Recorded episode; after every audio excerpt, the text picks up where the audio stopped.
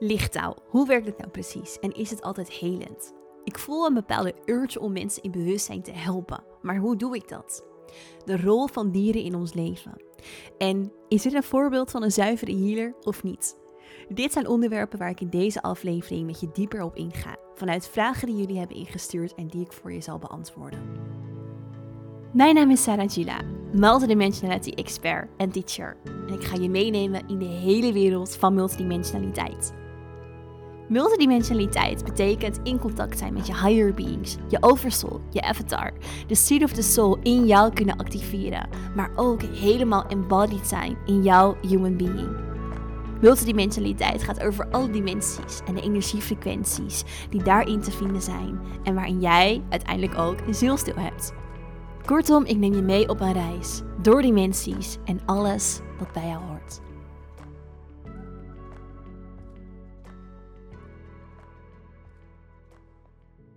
Welkom bij weer een nieuwe aflevering van de Inspirit Podcast. Wat leuk en wat fijn dat je luistert. Ik ga in deze aflevering weer een aantal vragen beantwoorden die de afgelopen tijd zijn ingestuurd uh, in de Instagram DM en die um, ja, niet per se eh, een, zo groot antwoord zijn dat ik ze in een lange podcast kan beantwoorden of een podcast op zichzelf.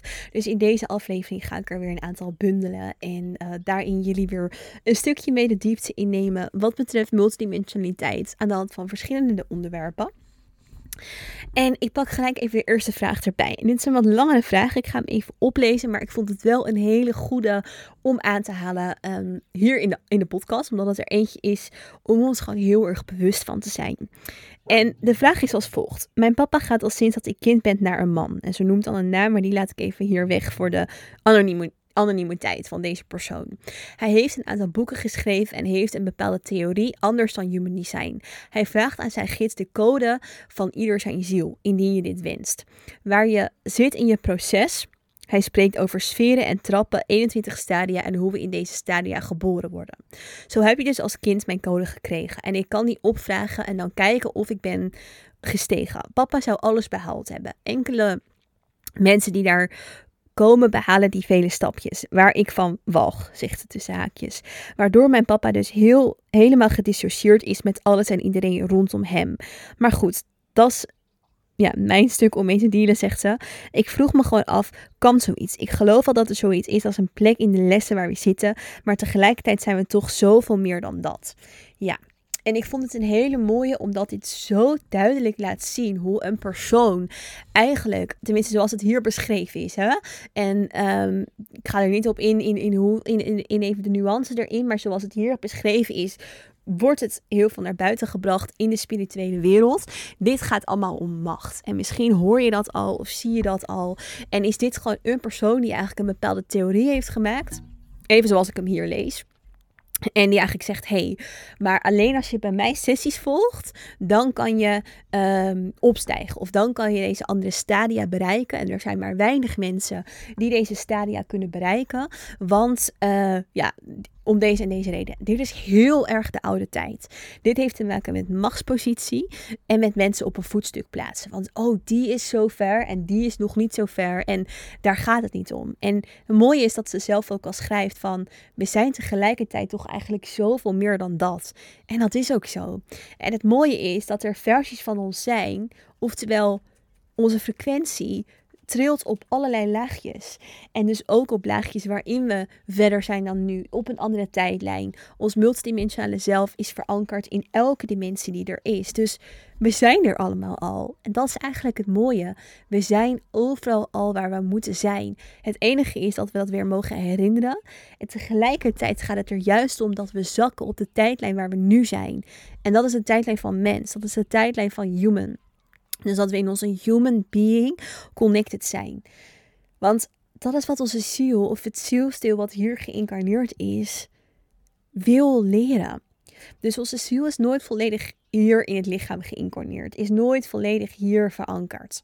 Altijd maar een deel ervan. En staat in verbinding met de delen van ons die dus in de andere dimensies verankerd zijn. Daar is een verbinding tussen.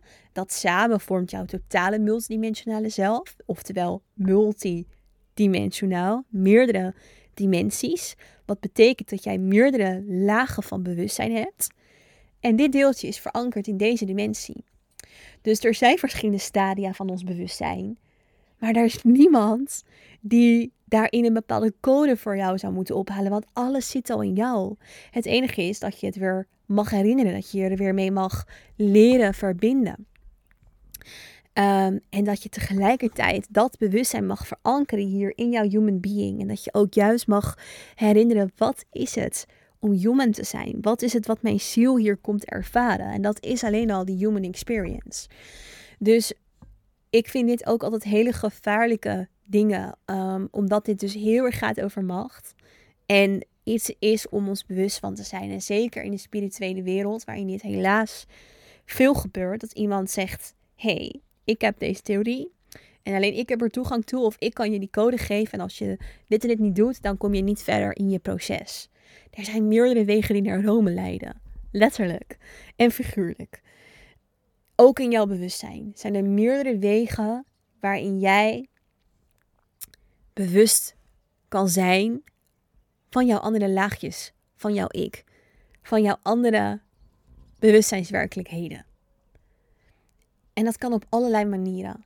Alleen het gaat erom dat je het weer herinnert en verankert in jezelf. En daarin is het puur een proces van frequentieverhoging. En dat eigenlijk komt dat weer neer op bewustzijnsverhoging. Dus je bewustzijn van, en dat kan op honderdduizend manieren. Uh, en daarbij juist niet je anker vergeten van het mens zijn. En dat lees ik hierin ook, dat dan die bepaalde dissociatie komt. En dat komt omdat er een soort ophemeling plaatsvindt.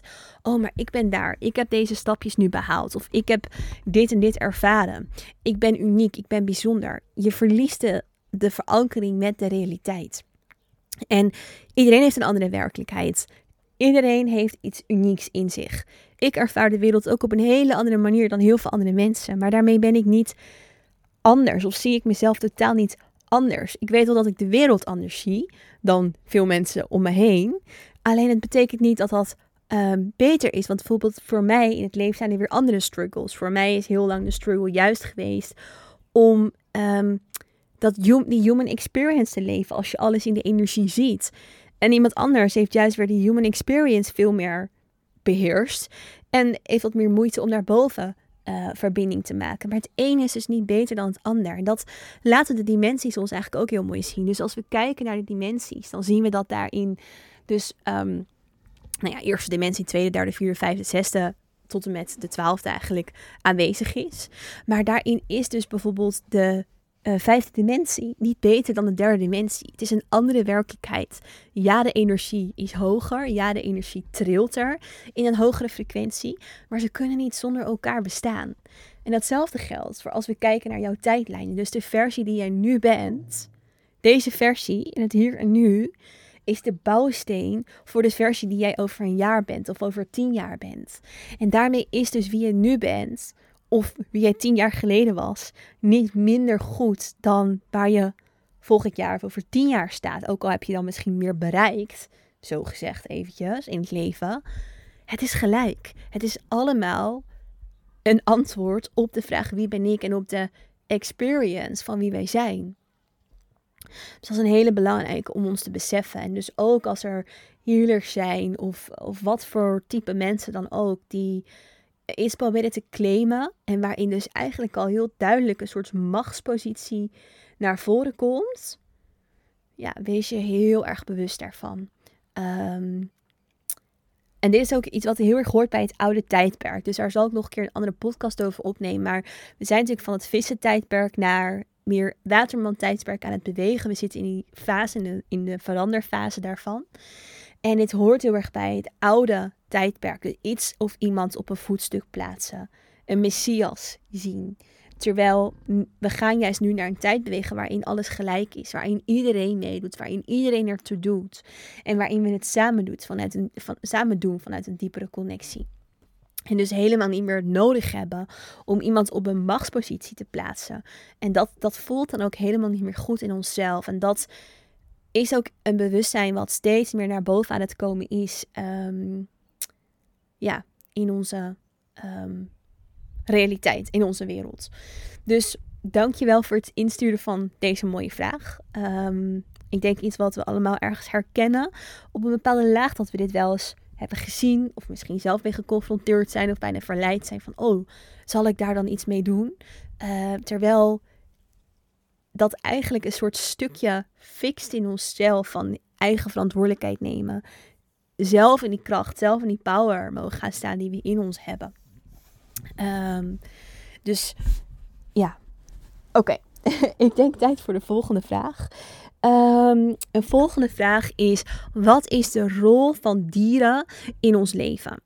Nou, ook een hele leuke vraag. De rol van dieren in ons leven kun je op allerlei verschillende manieren bekijken. Maar dieren zijn op een bepaalde manier een gids voor ons. Ze zijn er om ons gezelschap te houden. Ze zijn er om ons te helpen, waar dan ook. En dat doen ze fysiek en absoluut ook um, energetisch. Nou, we kunnen natuurlijk kijken naar huisdieren, dus die we kennen die in onze omgeving zijn. Nou, die zijn echt persoonlijke messengers, persoonlijke uh, protectors ook voor ons. Dus ik ervaar dat ook heel erg met Momo. Momo en ik hebben zo'n bijzondere en diepe connectie. En die hond, die is precies kloppend voor mij. En tegelijkertijd nodigt hij me zo uit in bepaalde stukken. Um, en dat is ook echt wat dieren doen. En nou, met een goudvis zou je dat wat anders hebben als met een hond of met een kat of een paard misschien. Uh, en ook weer een konijn is daarin anders. Maar elk dier brengt ons iets. En daarin is het ook heel mooi om te kijken van, hé, hey, wat is die verbinding? Wat komt die verbinding brengen? En uh, ja, wat, wat kan ik hier uithalen? Wat is, wat is de zielsverbinding die we hebben samen? Dus je kan een ziel, uh, of een dier, sorry, heel erg op zielsniveau benaderen. Door bijvoorbeeld je ogen te sluiten. Dit dier uit te nodigen in jouw bewustzijn. En daar letterlijk een gesprek mee te hebben. Want dit bewustzijn kan gewoon met jou communiceren. Um, ja, en ja, het zijn dus echt messengers, protector, protectors, um, gidsen. Ze helpen ons. En ook alleen al door hun aanwezigheid in ons bewustzijn zetten ze dingen aan uh, in deze laag bij ons, waardoor we andere keuzes maken of andere stappen maken of groeien in ons, um, in ons eigen proces.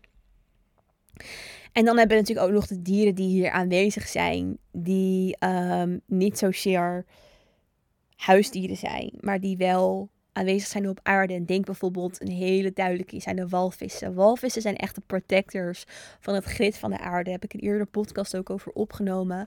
Zij bewaken en bewaren tegelijkertijd echte frequentie hier op aarde. Dat doen ze omdat het hele sterke energetische dieren zijn, waarin hele hoog intelligente zielen aanwezig zijn die vanuit allerlei plekken in het universum komen.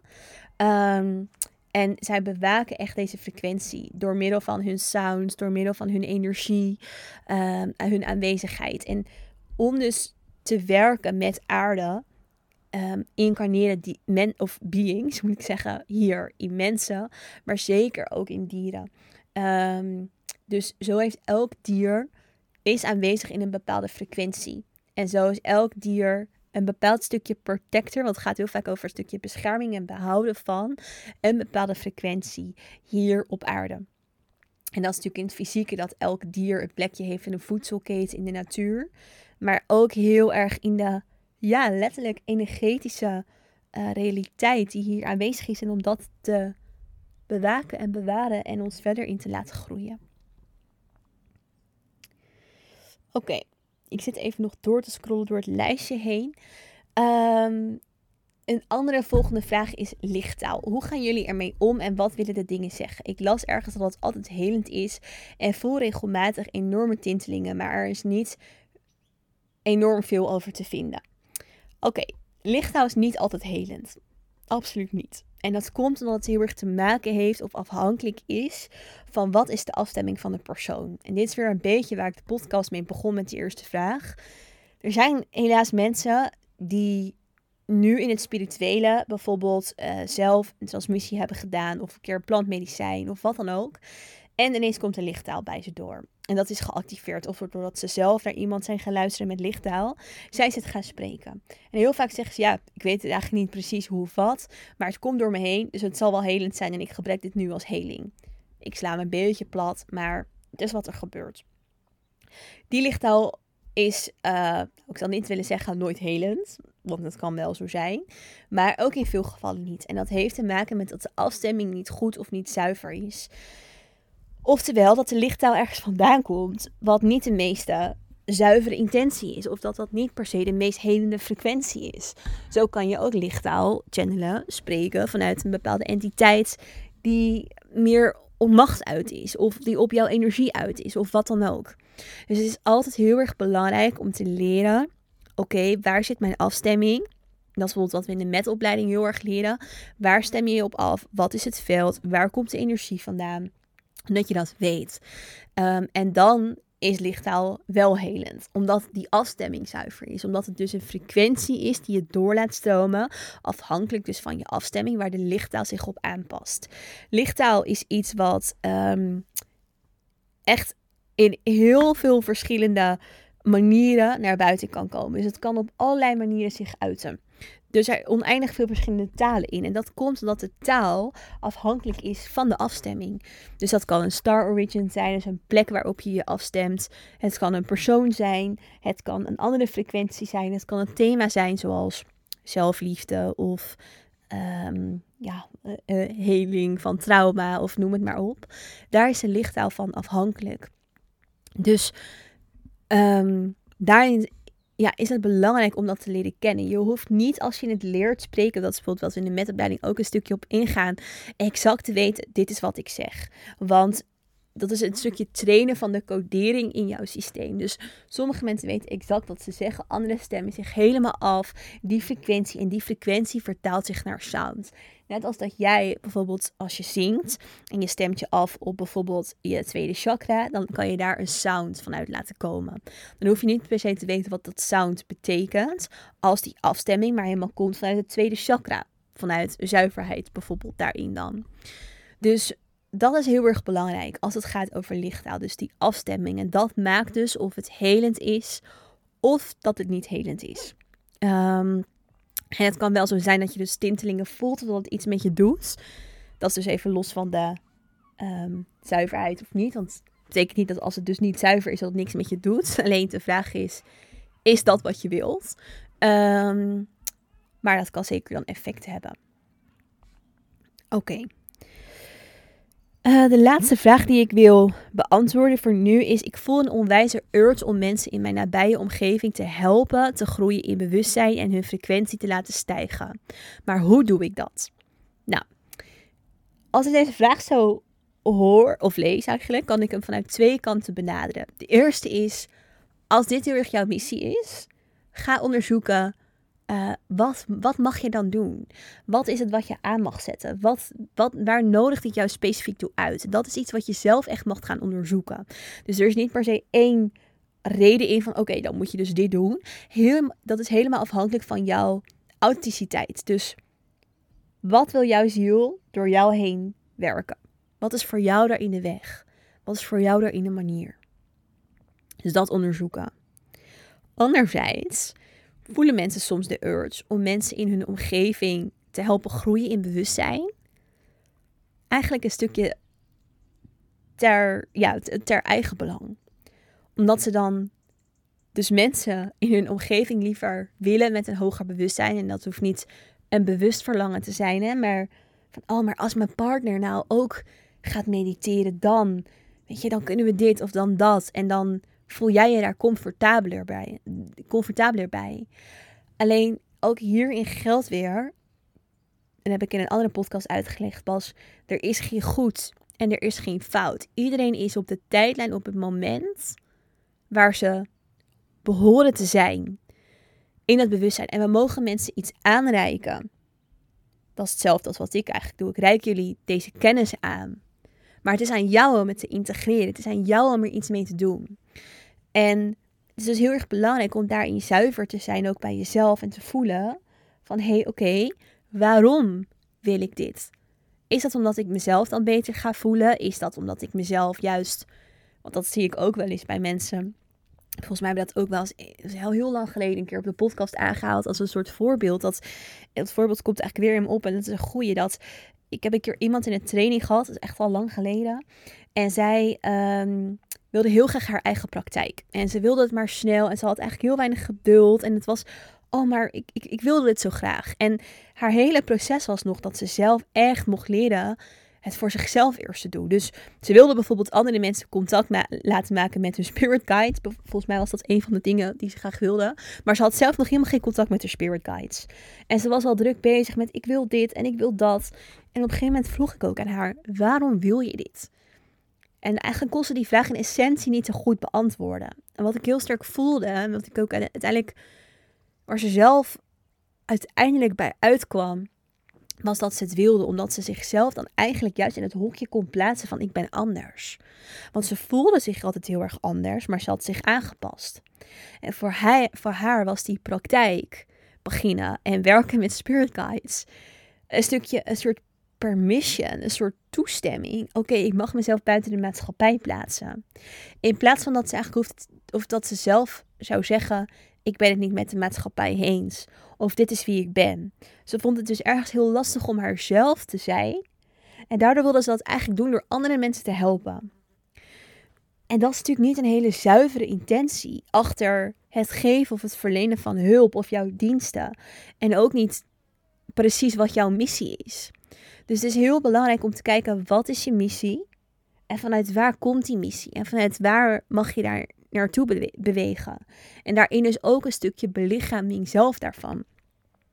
Dus ik wil deze vraag niet onderuit halen door te zeggen: hey, jouw urge komt omdat je iets in jezelf moet fixen. Maar het is wel, denk ik, een mooie om je bewust van te zijn. Omdat het heel vaak toch ergens iets in ons is wat daarmee ook een stukje wil pleasen omdat we dus eigenlijk onszelf nog niet goed genoeg vinden. Of omdat we het dus lastig vinden om onszelf te accepteren. En daarmee accepteren we eigenlijk een ander niet.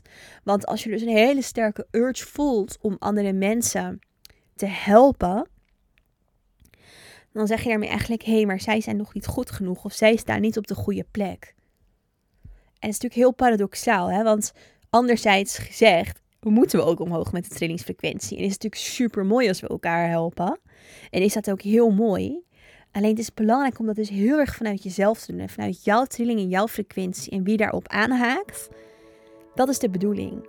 Dus probeer een ander niet te fixen. Belichaam zelf wat jij wil belichamen. En daarmee zet je iets bij een ander aan. En komt de ander wel naar jou toe. Als diegene daar klaar voor is. Dat is daarin een hele uh, belangrijke. Um, ja, een belangrijk bewustzijnstukje om daarin te hebben. Oké, ik ga de podcast hierbij afsluiten. Ik hoop dat ik jullie vragen weer goed heb kunnen beantwoorden. Dat jullie hier weer iets aan hebben. Heb je ook vragen voor de podcast? Stuur ze in op Instagram op het account @sarajula en dan zal mijn team ze voor je eruit halen, uh, zodat ik uh, ze mee kan nemen in weer een volgende aflevering. Dankjewel alvast en ook dankjewel voor het luisteren. En ik zie je heel graag terug in een volgende aflevering in spirit.